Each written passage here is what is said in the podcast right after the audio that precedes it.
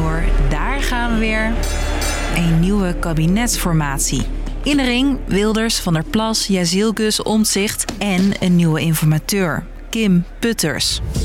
In mijn opdracht staat dat ik met alle eh, fractievoorzitters contact heb. Wat kunnen we eigenlijk verwachten van deze formatieronde? Het blijft een eh, moeilijke puzzel. Ik ben Frederik en ik check voor je of er al zicht is op een nieuw kabinet. Lang verhaal kort. Een podcast van NOS op 3 en 3FM. De partijen hoeven de tweede ronde niet alleen uit te vechten. Na het afscheid van de vorige informateur, Ronald Plasterk, Prettige dag allemaal. mag nu Kim Putters een poging wagen. Ik eh, ben zeer vereerd dat ik eh, eh, deze taak op me mag nemen. Daar ga ik ontzettend mijn best voor doen. Putters is bekend in Den Haag. Hij was ooit Eerste Kamerlid voor de PvdA. Nu is hij voorzitter van de Sociaal-Economische Raad. Zijn opdracht voor deze formatieronde is volgens PVV-leider Wilders duidelijk. dat hij gesprekken voert met alle, met een streep onder alle eh, fractievoorzitters en ook, misschien wel vooral, gaat praten over de vorm. En voor die moeilijke opdracht moet Putters eerst wat huiswerk doen.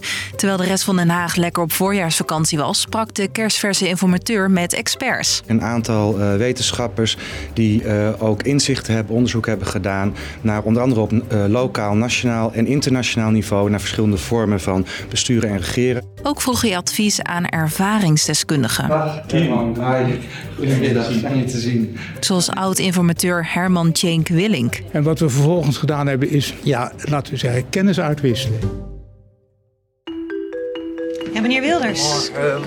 Meneer Wilders, u Alles bent... goed met u? Ja. Met al die nieuwe kennis op zak praat de informateur nu met alle partijleiders. Het plan van Putters zorgen dat de partijen het eens worden over drie belangrijke onderwerpen. En daar weet politiek verslaggever Ewart Kiewiet meer over. Nou, de eerste is de grondwet en de rechtsstaat. Ja, daar ging de vorige ronde ook al over. De PVV heeft toen beloofd dat ze niets doen dat tegen de grondwet ingaat. Zoals bijvoorbeeld de vrijheid van godsdienst inperken. Punt 2 draait om geld. Het nieuwe kabinet moet het eens worden over wat ze waar aan uit gaan geven. Zowel VVD als NSC willen echt dat die solide zijn, dat er sluitende begrotingen zijn, en dat er niet te veel de sta- staatsschuld in gaat lopen. En Ja, en daarmee zitten ze echt op, niet op één lijn met PVV en BBB. Ja, en daar liep het de laatste keer al op vast.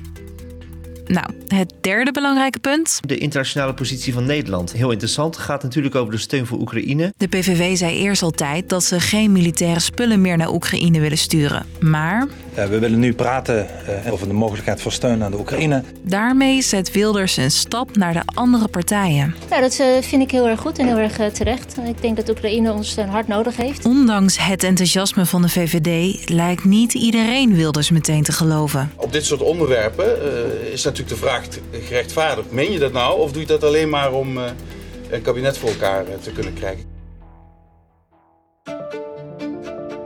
De belangrijkste vraag deze ronde blijft: hoe gaan ze samenwerken? Nou, de keuzes op het kabinetsmenu zijn Meerderheid, minderheid of extra parlementair kabinet. Maar ja, smaken verschillen. BBB en PVV zien het nog steeds wel zitten om samen te werken. Nogmaals, wij blijven voor een meerderheidskabinet. Ik ga daar gewoon opnieuw op inzetten in deze tweede ron- ronde. Mijn voorkeur gaat nog steeds uit naar een gewoon meerderheidskabinet. Bij een meerderheidskabinet heeft, zoals de naam het al zegt, het kabinet een meerderheid van zetels in de Tweede Kamer. Maar om zich wil liever iets anders. Hij zegt dat hij Een extra parlementair of minderheidskabinet wil. een minderheidskabinet hebben we al vaker gehad, maar een extra parlementair kabinet is zeldzaam. In zo'n geval wordt het kabinet gevormd buiten de Kamer om. Nou ja, een hoop variaties dus. Aan Putters de taak om te verkennen of ze het daarover eens kunnen worden. Maar goed, over één ding zijn alle partijen het sowieso eens. Ik vind dat eh, we ook echt vaart moeten gaan maken. Ik hoop inderdaad dat er snel mogelijk een nieuw kabinet er zit. Nou weet u, Nederland heeft snel een eh, kabinet eh, nodig. Er zit dus haast bij.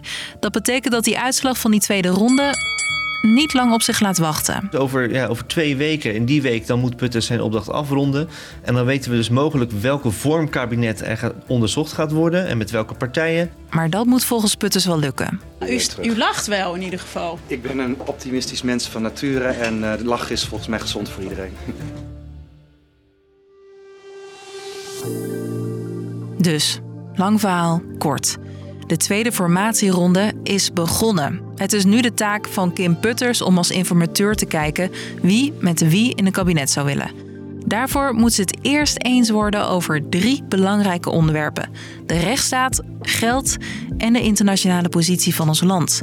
Daarnaast moet Putters zien uit te vogelen welke vorm het kabinet gaat krijgen. Was de podcast voor vandaag. Morgen staat er weer een nieuwe voor je klaar. Luister je dan ook? Ik laat het allemaal even op mij inwerken wat ik vandaag gehoord heb. Nou, kijk maar even. Doei!